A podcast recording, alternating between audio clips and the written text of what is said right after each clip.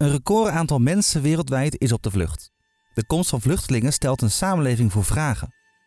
Problemen die de vluchtelingen meemaken, is een gezamenlijke probleem van mensheid in het geheel.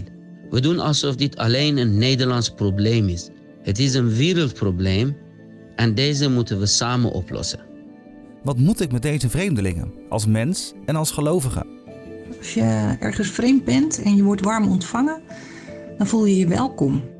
Het gevolg daarvan is dat je houding ten opzichte van die vreemde en nieuwe situatie, het nieuwe volk waar je je onder begeeft, invloed heeft op jouw houding als nieuwkomer, als vreemdeling. Vluchtelingen zijn vaak onderwerp van polariserend spreken. Wat zegt de Bijbel over vreemdelingen? Uiteindelijk zijn alle volken één familie. We zijn allemaal geschapen naar het beeld van God. Dat is de boodschap van Genesis 10. De wereld vult zich met een kleurrijk palet aan mensen en zo heeft God het bedoeld. Hoe gaat God in de Bijbel met vreemdelingen om? En hoe lees ik dat?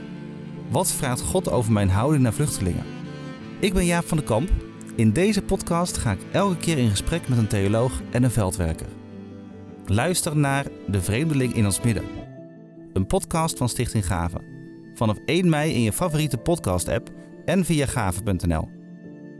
Abonneer je alvast zodat je de volgende aflevering meteen ziet verschijnen.